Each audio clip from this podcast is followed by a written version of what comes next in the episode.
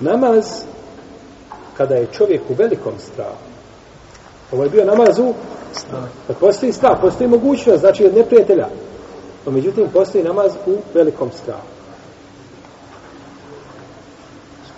jer postoji toliko namaz toliko veliki strah da ne može čovjek da klanja više u, u džematu izmiješale se vojske ili su tu negdje sastali se redov, nema tu više džemata, da ne moguće znači organizirati džemat,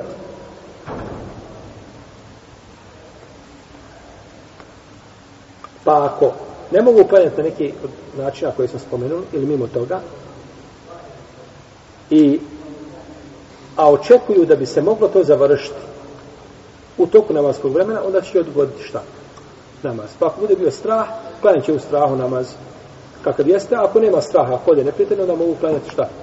Normalno namaz, ako su na put, klanjat će namaz putnika, u protivnom klanjat će ovaj obični ili namaz kako se klanjati. Pa ako nemaju vremena, ako vide da je namaz na izmicaju, onda će klanjati kako mogu pokretima glave, znači i tijela, za ruku i za sežda. U džematu. A ako ne mogu niti, onda će klanjati kako?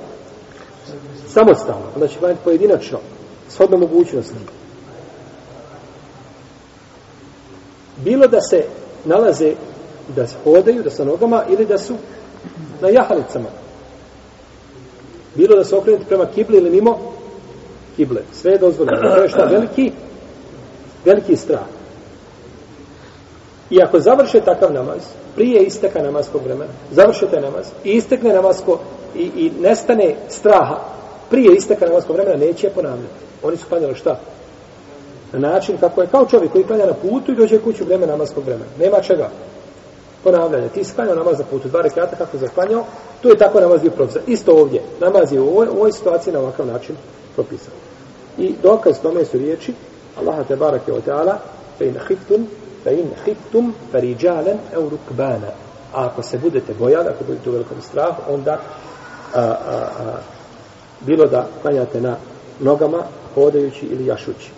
Kaže Ibn Omar, kako bilo živan Bukhari u svome sahihu, Ibn Mađi, Ibn Malik, strah bude žestok ili velike klanjaće na svojim nogama stojeći, hodajući ili jašući, okrenuti prema kibli ili mimo kible. Kaže Nafija, ne znam, osim da je Ibn Omar ovaj hadis pripisao poslaniku za osam, ono da to nisu njegove riječi, nego riječ koga? Allah je vjerovjesnika, sallallahu alaihi wa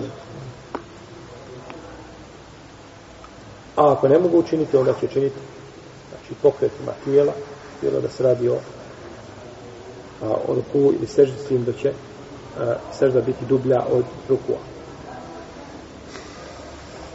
Isto tako, u ovom slučaju dozvore da klanja se jedan rekjat. Pa ako sretnu neprijatelja i toliko budu, znači, tako bude biti, kaže, stoka da ne mogu klanjati namaz, onda će klanjati namaz nakon šta? Namaskog vremena. Kao što je poslanik sa osam učinio gdje na, na bitci na na Hendeku. Pa je klanjao nakon zalaska sunca. Znači, nemaju izbora. Nemoguće je, znači, bilo što da se organizuje. Niti sam da radiš, niti pojedinačno. Jer stalo si u, u, u, ovaj, u bordi, onda u tom slučaju čovjek će klanjati namaz nakon njegovog vremena. Da li je dozvoljeno klanjati namaz u strahu u mjestu boravka? Znači, nije čovjek na putu, nego u mjestu boravka.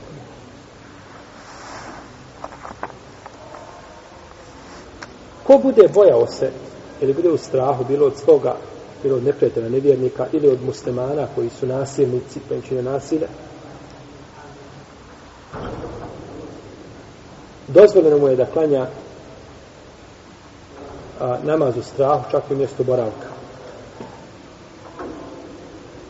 I to je stav većine islamskih učenjaka, Ebu Hanife i Malika, po poznatom mišljenju od njega i Šafije i Ahmeda, je u Zaji ibn Hazma i drugih I to dokazuju istim ajetom iz, iz sura Nisa.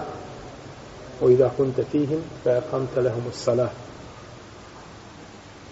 Ako si među njima, pa im budeš obodio namaz. Pa nije spomenuto šta? Putovanje. Nego je gdje god da si našao da obodaš namaz, dozvoljeno je.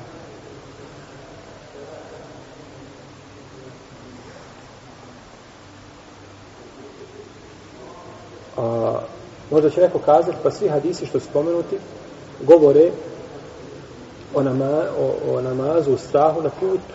Nisu mjesto gdje. Ono, to je zato što se najčešće dešava gdje na putu. Najčešće ti problema ima na putu. Manje se dešava, dešava mjesto boravka. U protivom smo kazali da ne bi bilo zelo kajati namaz u strahu ako bi te napao neprijatelj muslima. Nepravedni. Napao te. Nemaš pravo jer su svi hadisi vezani za koga? Za nevjernika onda ne bismo pa mogli kraniti na slučaju. Znači, ne bi ni dozvoljeno da se držimo ovdje za sporačnost ovih hadisa. No, međutim, ako klanja u mjestu boravka, onda će klanjati namaz, znači, u potpunosti. Bilo da se radi o imamu ili, ili muktediju.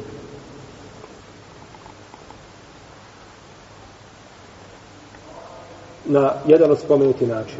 Znači da budu skupine da se šta mijenjaju ako postoji neko znači da mora čuvati. Samo se klanja znači potpuni namaz. A je li tu dozvoljeno da klanja jedan rekat? Jer Ibn Abbas kaže da je propisan namaz u mjestu boravka četiri rekata, a na putu dva i u strahu jedan rekat. Pa možemo li kazati, može klanjati jedan rekat u mjesto boravka? Allahu ta'ala da većina u Leme, to nije čak i Ibn Hazm koji ide po sporešnjem začinima hadisa, nije to dozvolio. Nije zvore da se klanja rekat, nego da se klanja da se klanja potpuni da se klanja potpuni namaz. Vidimo, znači da je uzvišen Allah te barak tala olakšao ljudima zaista gdje god se nalazili i koje god situaciji se našli i na to bez rezerve ukazuje ovi hadisi koji govore o namazu strahu, s jedne strane, i s druge strane ovi hadisi govore o vrijednosti namaza ili mjestu namaza u islamu. Znači, čak i u najtežoj situaciji nema ostavljanja čega. Post možeš ostaviti, zekijat ne moraš davati, hađ ne moraš obaviti ako nisu mogućnosti, nema i drugi razlozi. No, međutim, namaz ne, čak i u pici. I to kako, braću? U džematu. Pazite, u džematu. Znači, nije Rečeno kada iako bi bilo po nekim našim razmišljanjima, koja je svakako krnjava, logično je da klanjaju kako? Pojedinačno, svako za sebe skupina, jedna pa druga, po, pa- po pa trojica, četverica, ne, nego u džematu i podjele se u dvije skupine. Što kazuje na vrijednost džemata, a da ne govorimo o vrijednosti namaza i obavezi namaza, da je namaz temelj vjere i da čovjek ne može, nema od islama ništa, ako ne obavlja namaz. Da je svoj islam postavio iza svojih leđa, kako rekao Omar radijallahu anhu, la hazve fil islam i mentere kasar. Nema udjela u islam koja ostaje namaz. Temelj vjerovanja. Temelj znači temelj vjerovanja. Ovaj namaz svakako spomnio se da ima i druge načine, no međutim dovoljno da zapamtimo nekih, neke od ovih načina, a da druge, bar da smo nemi ruh čuli za njih, tako da Znamo, znači, da postoji razilaženje među islamskim učenjacima po pitanju obavljanja ili načina obavljanja ovoga namaza. Allahu ta'ala, amin. Wa sallallahu ala nabina Muhammad. Wa ala nabina